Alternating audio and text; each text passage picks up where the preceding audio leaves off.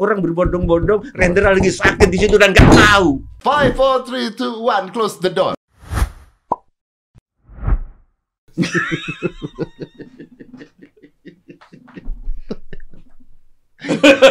Kenapa? Maksud dan tujuan, Pak. Ya, saya kalau di wayang tuh seneng Harjuna. Heeh. Harjuna itu artinya Harjuna itu kayak air itu. Jadi eh, kumpul orang Mengikuti. orang kumpul orang miskin nggak kelihatan kaya, kumpul orang kaya nggak kelihatan miskin. Nah, Hmm. kumpul orang gembal kayak kau, aku nggak kelihatan kurus-kurus banget gitu. Oh. Liatin.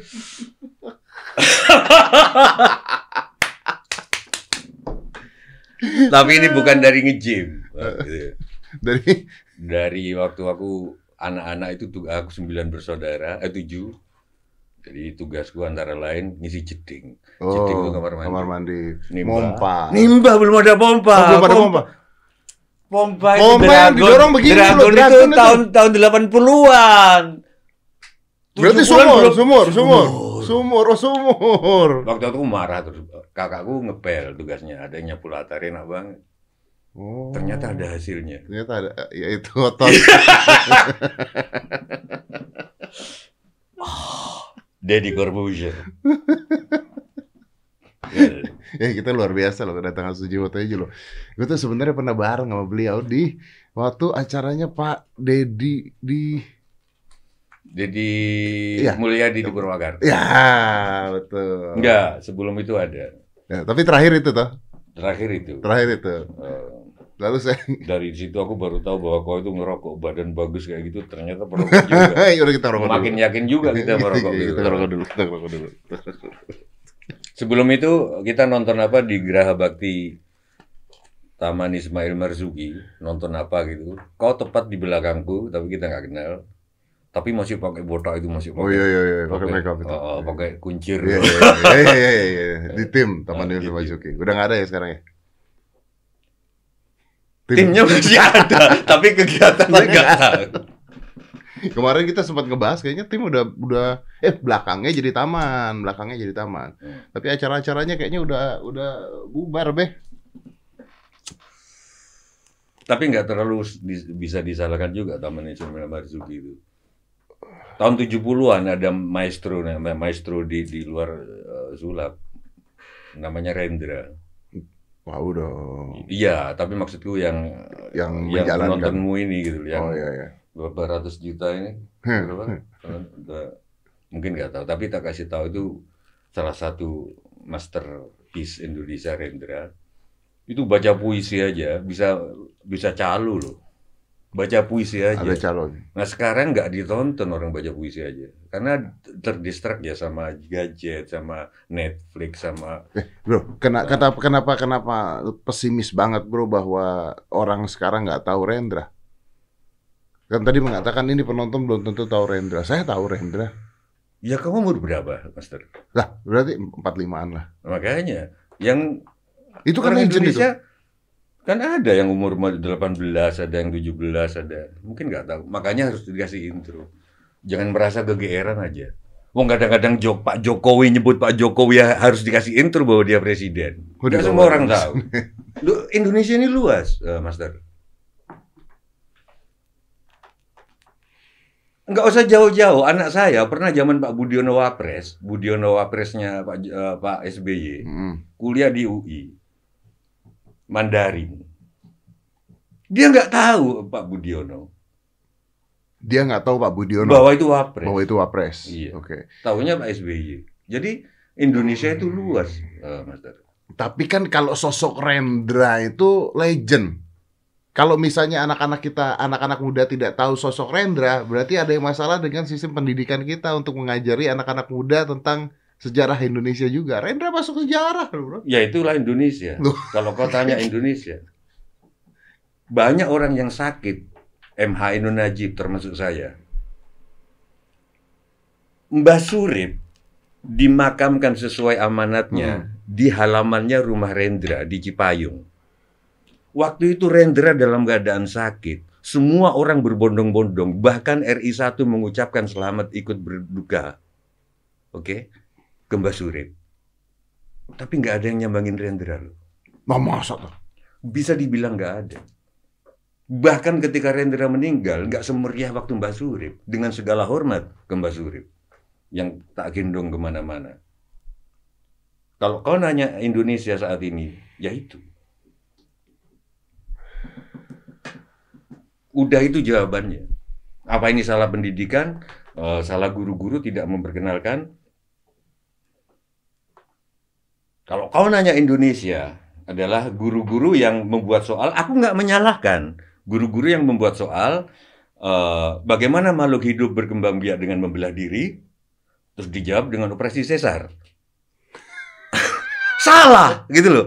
Kan bayangannya tentang amuba kan ini bagaimana makhluk hidup berkembang biak dengan membelah diri dijawab operasi sesar. Cross, salah. Harusnya harusnya tidak salah ya. Harusnya tidak salah. dong. Harusnya tidak, Tidak salah, salah gitu. dong, ya. Tapi mungkin aku pikir-pikir juga tadi di jalan ya, Dad, ya. Mungkin guru ini benar juga. Operasi sesar itu tidak membelah diri loh, tapi dibelah kan. Oh. Ya ya ya ya ya ya. Ya ya ya ya. Ya. Ya ya. Eh, gu- tebu menyimpan gulanya di batang, menyimpan makanannya di batang. Manusia menyimpan makanannya di dijawab lemari es. Enggak salah juga. Sob. Salah. Loh, aku lihat ada. Harusnya salah nggak? Itu kan bedanya antara analogi pembelajaran pendidikan sama sama struktur pendidikan yang se- sek-sekan seperti itu. Harusnya tidak salah itu itu cara berpikir orang eh, kreatif kan? Iya kan? Iya dong. Iya, guru sorry, dengan segala hormat pada guru yang gajinya kecil dan lain sebagainya, Tidak salah. tidak salah mungkin kurikulum nggak membolehkan begitu. Mungkin kurikulumnya kita nggak tertanya ke Mas Menteri. Ini kejadian sebelum Mas Menteri loh. Saya, saya nggak tahu kalau Mas Menteri mungkin sudah beda. Gitu Nggak, nggak mungkin. Heeh. Nggak mungkin kalau makanan disimpan di lemari es dibenarkan tidak mungkin. Loh, sekarang Mama Lia apa coba? Beranak pinak itu. Enggak, ibunya Lia. Salah. Aku di- aku kan teman-temanku banyak guru. Mama Lia dijawab apa susahnya dijawab? Ibunya Lia, mamanya Lia. Kau kan deket sama Mas Menteri. Undang lagi deh. Aku pernah lihat di Pertanyaannya itu. Iya, gimana Mama Lia, ibunya Lia, bener aku nggak Mas Menteri gitu aja gitu lah.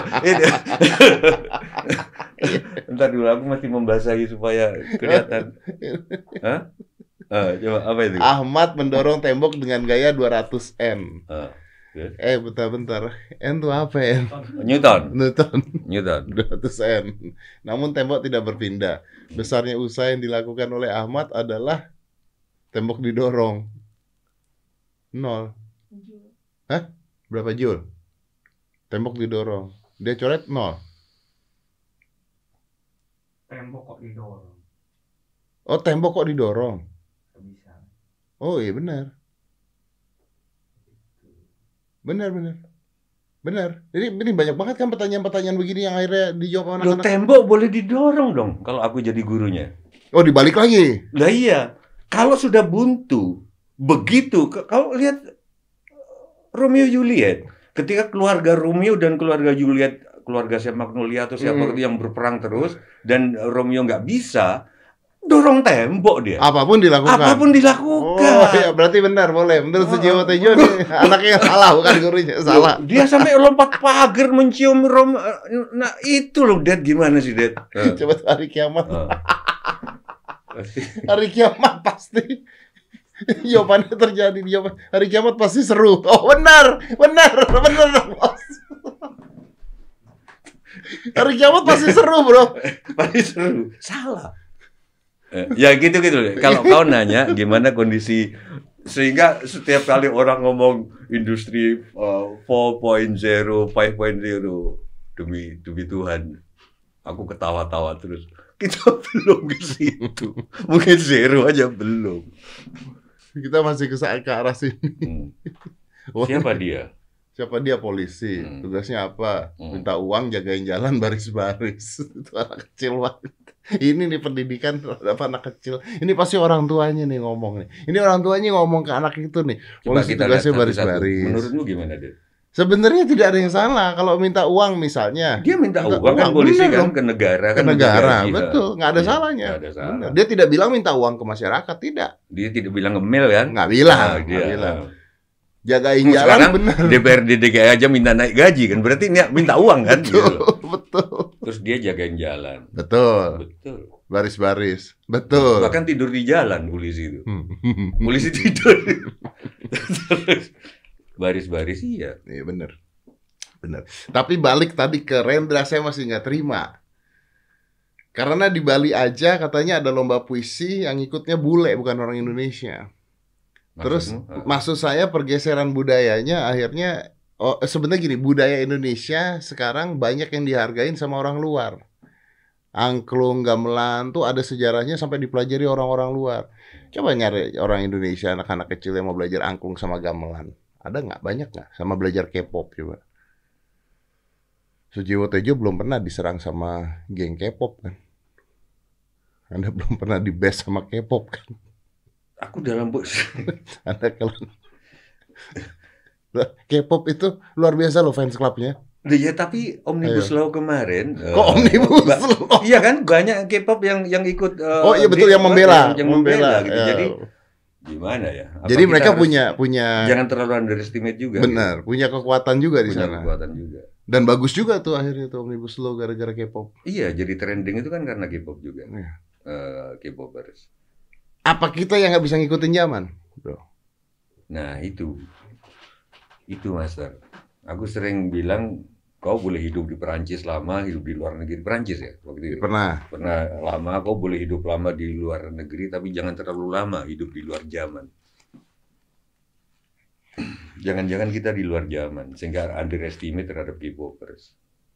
Kita di luar zaman. Iya. Hmm.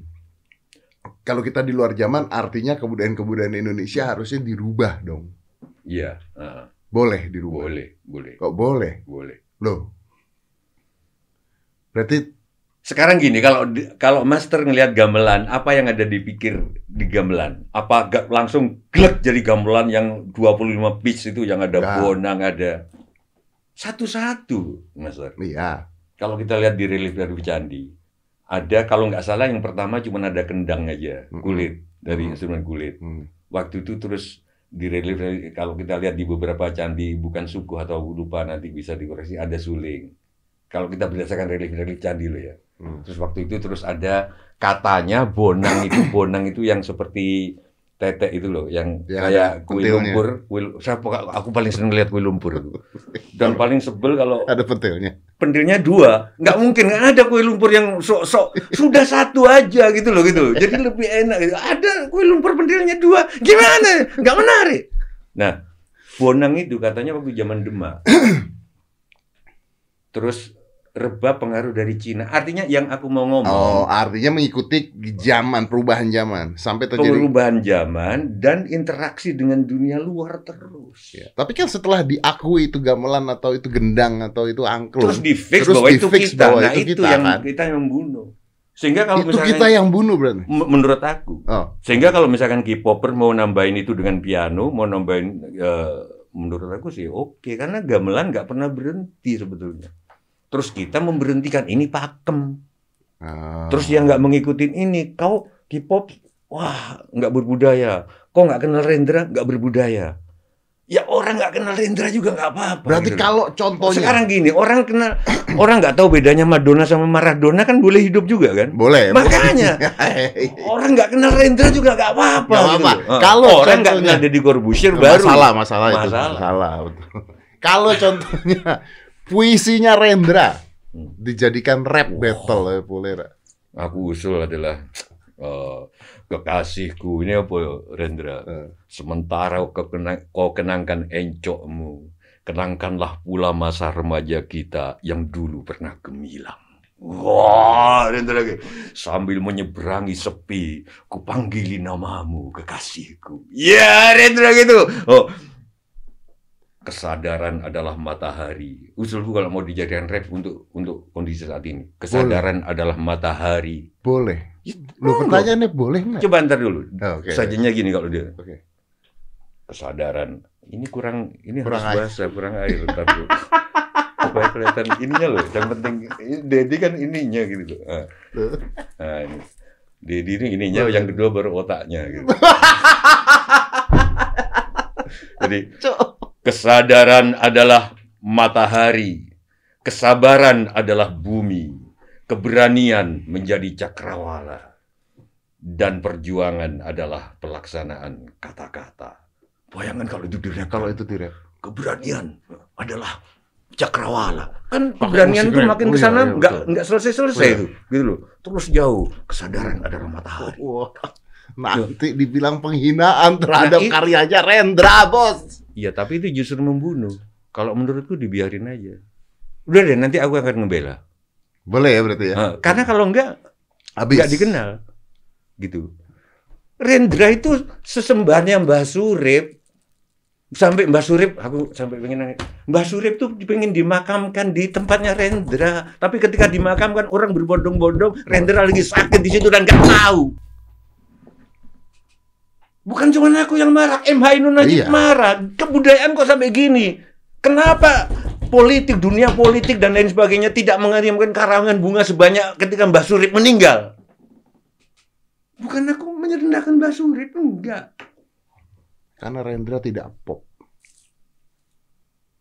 Karena nggak boleh dipopin. Nah itu.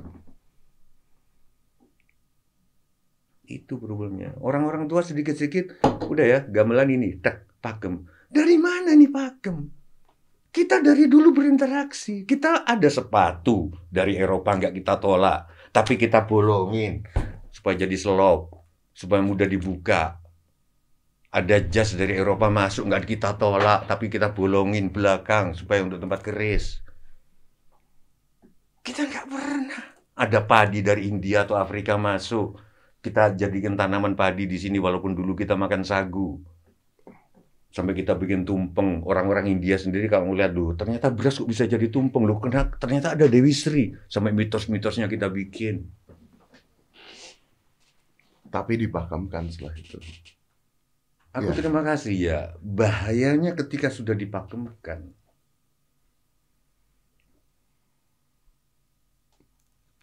Ketika bahwa berita harus seperti ini, berita harus dipakemkan seperti ini, dan majalah Playboy itu dianggap bukan berita, yang menderita antara lain kan Soleh Solihun kalau nggak salah. Mm-mm. Tapi untungnya Effendi Gosali sebagai dewan juri memenangkan dia sebagai salah satu yang terbaik waktu itu. Artinya sudah diakui bahwa Playboy itu juga salah satu bentuk berita. Pemakaman itu bahaya loh, Ded.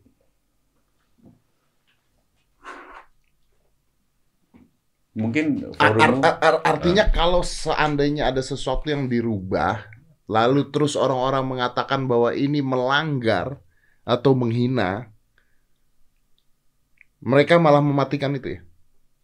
Makanya itu sikapku begini. Ketika ada seruan adzan dengan jihad, aku langsung merefer ke kiai-kiaiku dulu. Aku ngomong gini bukan karena aku sok suci, aku hidupku amburadul.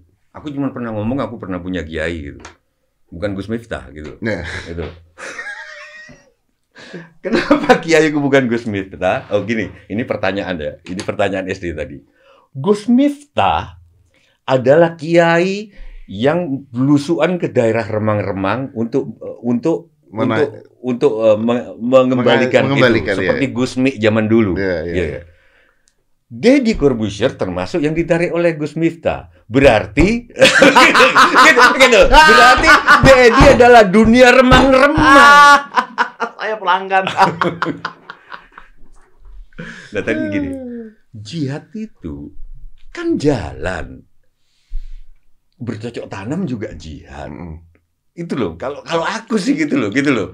Eh, wawancara begini apa ngobrol gini berjihad mensyukuri eh, karunia Tuhan. Kau bersyukur mensyukuri karunia Tuhan bisa berdialog. Eh, aku mensyukuri karena itu di share. Itu kan salah satu bentuk jihad juga gitu loh.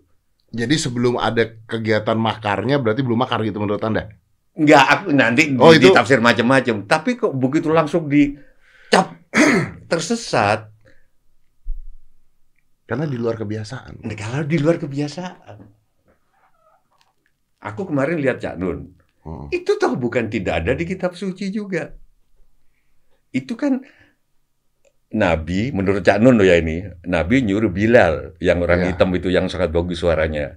Oke, panggilan untuk eh, sembahyang, terus dia melakukan itu. Artinya kan kalau pada kondisi tertentu mengajak jihad gitu.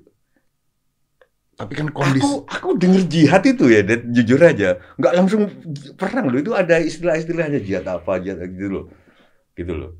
Katanya kalau perang alkitab atau apa gitu kata. Dia tanya ke MH itu aja kan gitu. seorang Sujiwo Tejo Hmm. mendengar jih- jihad lalu tidak langsung otaknya perang. Tapi kan ada sebagian-sebagian orang yang tidak seperti Sujiwo Tejo mendengar jihad otaknya perang juga ada dong harusnya. Bener gak? Hmm. Jadi Ah, tapi apakah itu tidak termasuk underestimate terhadap manusia? Orang sudah kamu rendahkan bahwa mereka nggak bisa berpikir. jadi harusnya apa? Dialog. Harusnya dialog. Harusnya jangan dicap ini pakem, jika dialog dulu maksudmu apa. Jangan langsung di, dengan segala hormat pada yang menganggap itu sesat ya monggo nggak apa-apa kan mungkin. eh, Ya betul. Tapi betul. Kita nggak bilang kita benar juga gitu intinya ya. iya, kenapa nggak dipanggil? Tapi kenapa nggak didialogkan? Maksudnya apa sih? Siapa tahu oh maksudnya ya yang bertani bertani itu jihadnya. Yang wartawan jadi wartawan, tapi istiqomah di situ itu jihad. Yang fashion di fashion, yang oh, jalan gitu, jalan ke menuju Tuhan itu jihad. Kalau aku gitu sih. Tapi kan Nah, balik lagi negerimu. Negeri Indonesia adalah apa? Negeri Indonesia adalah yang yang yang Mending yang kita kasih baby oil. iya Mending ada, kita- Ada. Ya, neg- ada negeri negeri Indonesia adalah yang memalia dijawab ibunya Lia itu salah. Negeri Indonesia adalah ketika Habib Rizik ngomong dua tambah dua sama dengan empat dan Sujiwo Tejo membenarkan itu, dianggap Sujiwo Tejo mendukung Habib Rizik. Oh ini menarik.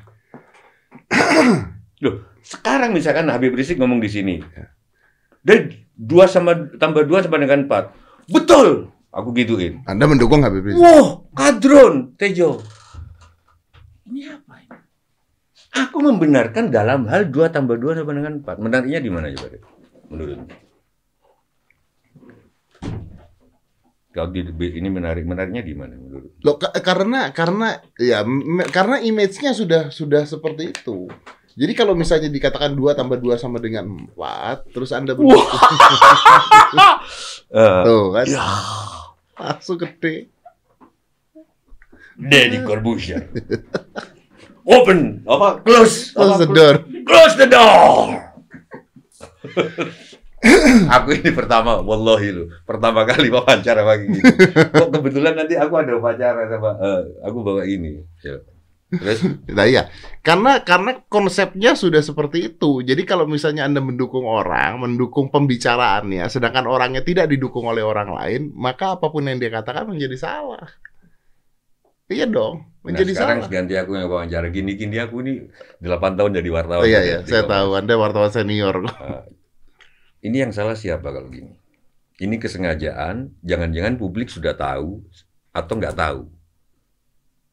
Bahwa kalau Habib Rizik ngomong 2 tambah 2 sama dengan 4 dan Sujiwo aku membetulkan, aku dianggap mendukung Habib Rizik seluruh hidupnya.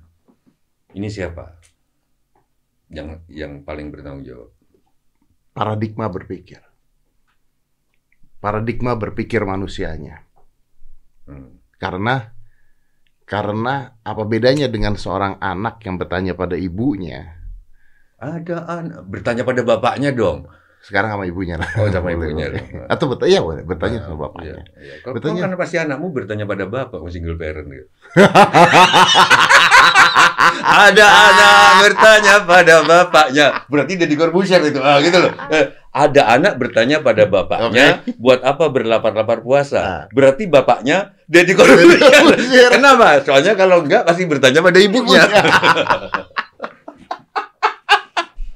Betul. Oke.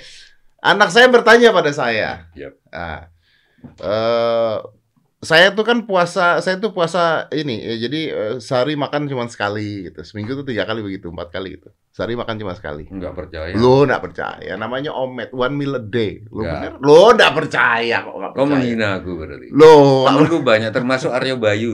Eh, Aryo Bayu. eh. Itu makannya banyak. lo saya enggak. Saya Supaya bisa, dan itu sumber gininya dari mana? ini? Sekali makan pak. Ininya dari mana? Sekali makan tiga ribu pak kalorinya pak saya pak.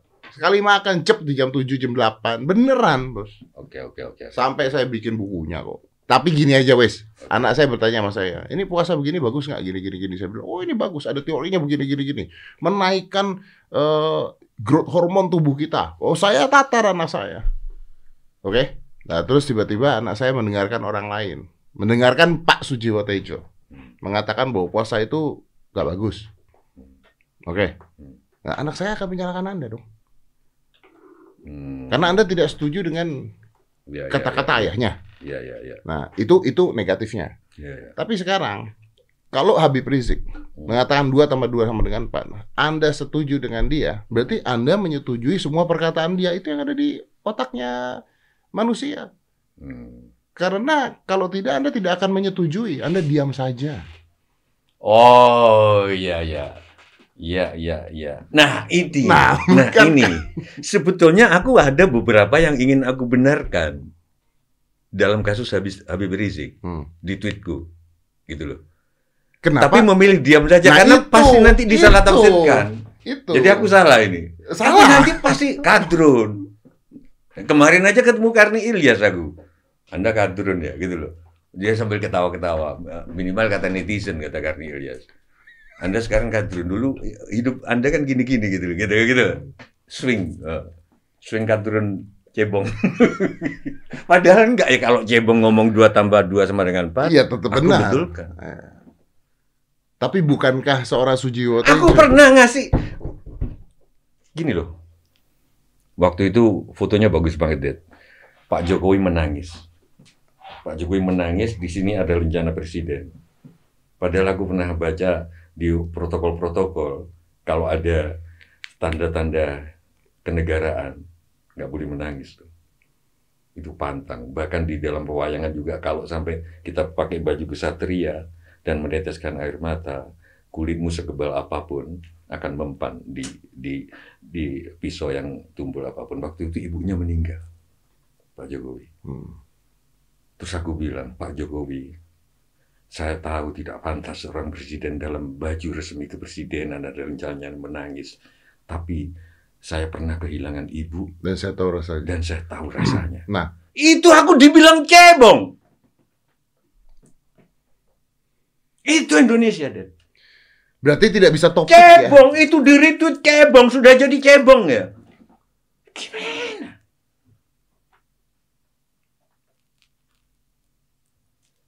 Mereka belum tahu bahwa aku gini gede juga. Mungkin sekarang sudah mulai mikir Udah kalau mikir. menyerang aku gitu loh. Oke. Saya balik dengan Bapak Sujiwo Tejo. Iya, Oke. gimana?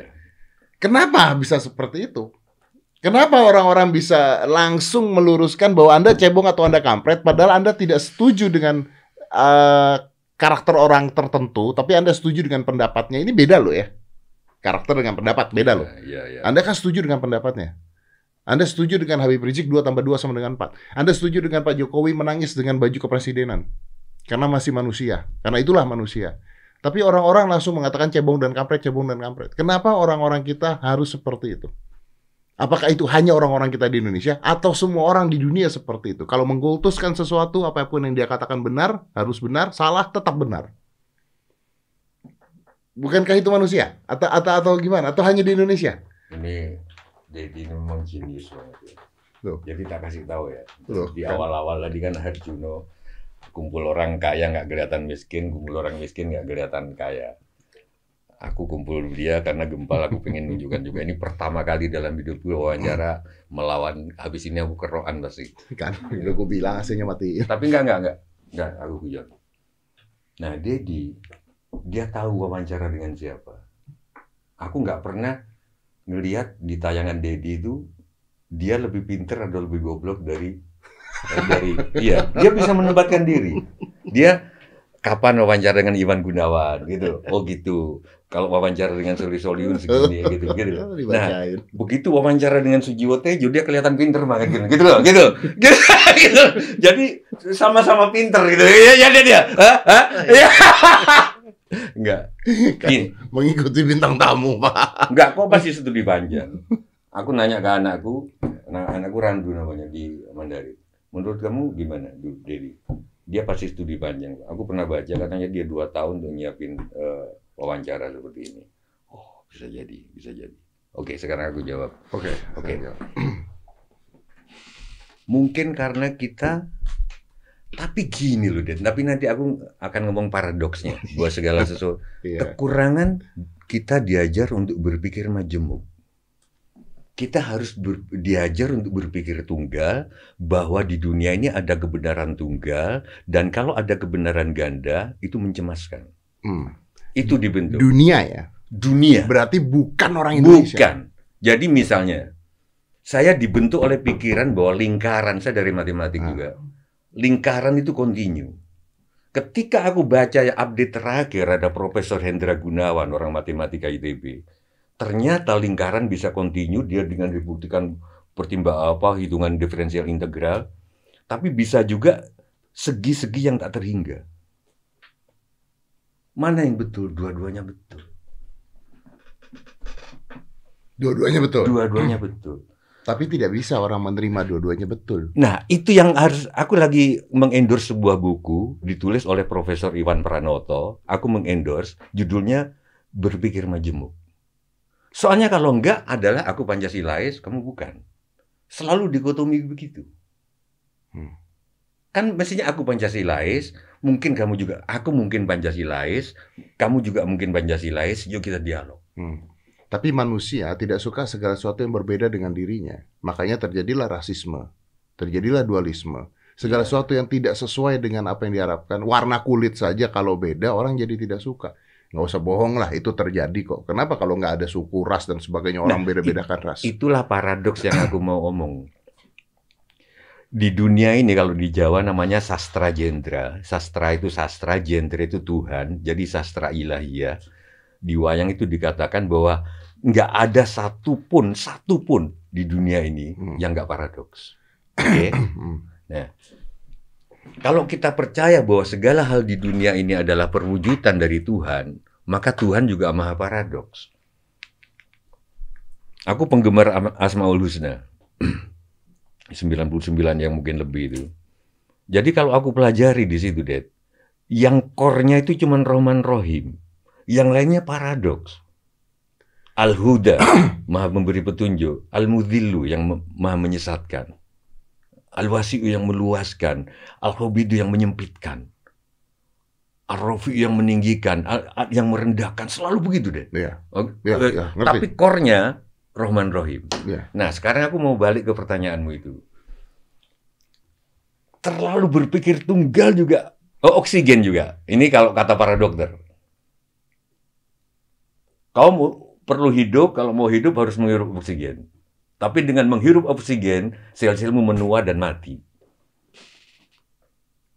Iya, nah, oke, berpikir kalau berpikir tunggal be- berbahaya, tapi kalau semua orang diajak berpikir majemuk, bingung. Itulah kenapa kok banyak kiai-kiai garis keras yang laku. Yang pokoknya itu nggak boleh. Ini musik nggak boleh. Karena berpikir tunggal. itu malah laku. Intinya manusia itu lebih bisa terima otaknya Makanya karena itu. gampang. Kalau kalau Karena gampang. kenapa kok timbul garis keras? Karena kalau kita datang ke ke Kures Shihab, datang ke Gusmus, datang ke Gus Miftah, Membingungkan. mungkin, eh, itu juga boleh, itu juga boleh. Bingung, malah. Bingung, iya betul.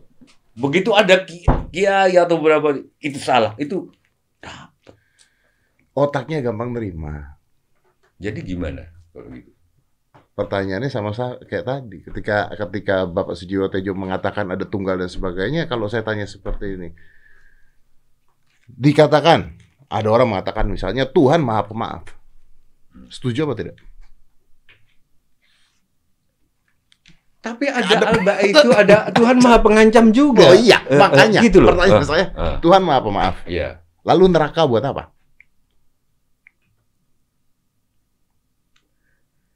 Tapi nanti kalau aku bilang Oh, iya, begini di- dianggap bahwa aku orang suci, aku orang amburadul loh ya. Karena itu dalam bahasa Arab satu rumpun kan, nar neraka, nur cahaya. Iya. Jadi neraka itu penyucian. Penyucian. Iya. Adab itu kan juga bisa berarti bencana, bisa berarti adab satu. Kalau kita ngomong sama kiai-kiai, jadi nggak ada itu sebenarnya penyiksaan, semuanya dalam rangka ke surga. Wayang juga bilang begitu. Tidak ada penyiksaan. Ada Al-Ghaffaru, Maha Pengampun. Tapi jangan lupa kalau kau tapi jangan dibilang aku orang agama loh ya. Iya, iya. Hidupku kacau balau. Iya, iya, Harus iya. aku. Istriku tahu betul gitu loh. Ada Al-Ghafuru. Apa artinya? Aku tanya ke kiai. Apa artinya Al-Ghafuru? Tuhan mengampunimu jauh sebelum kamu minta maaf. Hmm. D- penyi- dalam arilan ma'rifat gini yang paling beruntung manusia di dunia ini siapa? Fir'aun Ramses II itu. Kenapa? Udah diampuni sebelum Dia minta maaf dan Baru. langsung mati. Kita minta maaf nggak mati-mati, bro. Gitu. terutama kau lah. Gitu. Gitu. Jadi Sudah diampuni sebelum minta al-ghafur. Iya, minta maaf. Hmm. Ada al-ghafaru, ada al-ghafur. Lalu buat apa ada penyucian?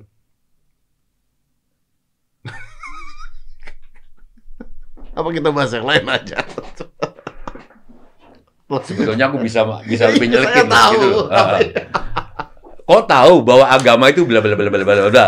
Kenapa kau masuk agama? Gitu kan aja gitu lah. Iya, iya, iya. Apa supaya nggak dibilang aneh gitu. Seorang master Loh, pemain loh. Kau yang memainkan sulap itu kan mainin pikiran orang. tapi kan tadi katanya Sujiwo Tejo waktu di depan itu Bapak Sujiwo Tejo mengatakan justru tingkat paling tinggi itu adalah ketika ngeliat orang ngencok diam aja. Iya, jadi kan tahap-tahapan rohaniwan itu kan biasanya lulus. Ada puasa ini itu, puasa ini itu. Yang susah lulusnya adalah puasa diem. Nah, puasa ngomong. Puasa ngomong. Itu biasanya yang puasa 40 hari, 40 malam itu. Jadi di serat Ka- Kama Sutranya orang Jawa itu ada namanya serat Centini.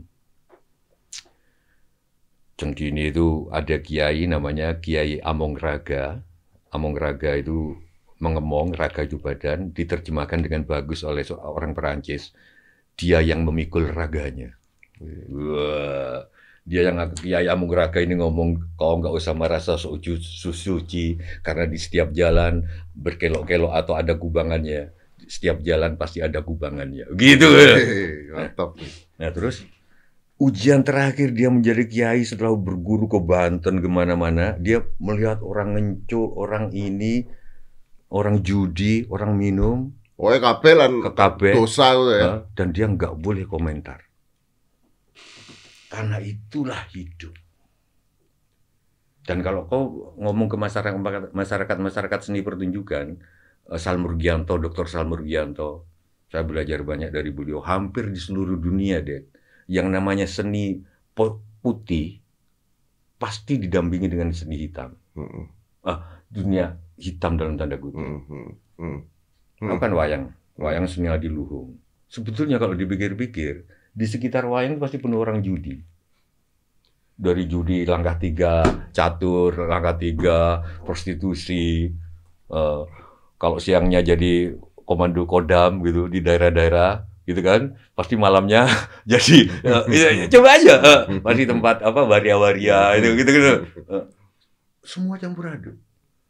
Puasa, orang-orang BPS selalu badan biro biro pusat statistik selalu bilang puasa itu justru inflasi tinggi.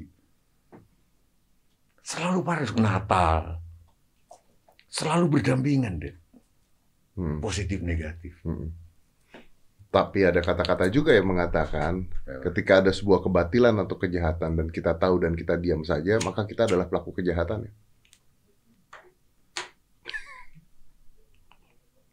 Makanya seorang Sujiwo Tejo tidak memilih untuk diam di ILC. Aku memilih mandi. itu kata Rendra di dalam kebudayaan. Coba terangin ke saya. Saya Kau tetap akan mandi walaupun tahu akan kotor lagi.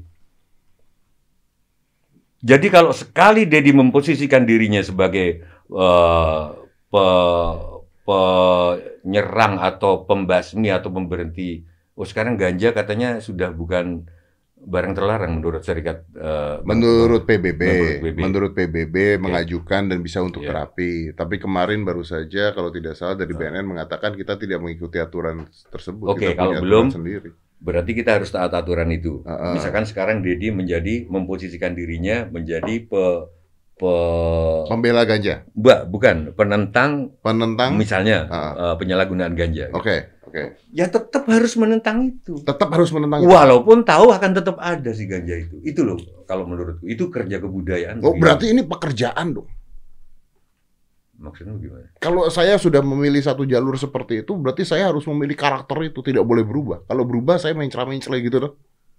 Ya tanya ke Anji coba. Bagaimana setelah nyanyi kok terus eh, jadi begini kok jadi petani eh, janda bolong gitu gitu loh.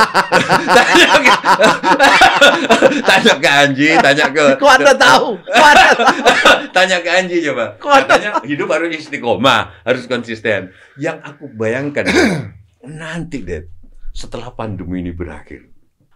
Can you imagine? Tidak ada karya seni. Yang ada adalah janda bolong semua karena penyanyi-penyanyi sudah berbisnis janda bolong dan kita berantem rebutan pasar janda bolong karena kehabisan lagu. Gitu loh. Hidup harus konsisten. Sorry Anji, gitu. Dengan segala hormat. Hidup harus konsisten. menurutku Oke. istiqomah. Berarti kalau kadrun ya harus kadrun terus. Wah. Enggak, sorry sorry sorry sorry, sorry, sorry. enggak enggak tak. Kau, Kalau- kau, kau jenius banget. Saya enggak saya nanya. Gini, saya gini, tuh gini, bodoh, gini. makanya Enggak, saya enggak, ngerti apa-apa. Pak. Eh. Turuti kata hati nuranimu. Hmm. Hati nurani itu bukan perasaan. Hmm. Perasaan masih bisa mengecoh. Hati nurani itu sesuatu huruf besar dalam dirimu yang bahkan tahu ketika kau tidak tulus. Nah, ketika itu mengatakan kau harus di jalan ini, Dia di sini. ya di sini. Kalau hati nurani mengatakan berubah, Saya nggak yakin, deh.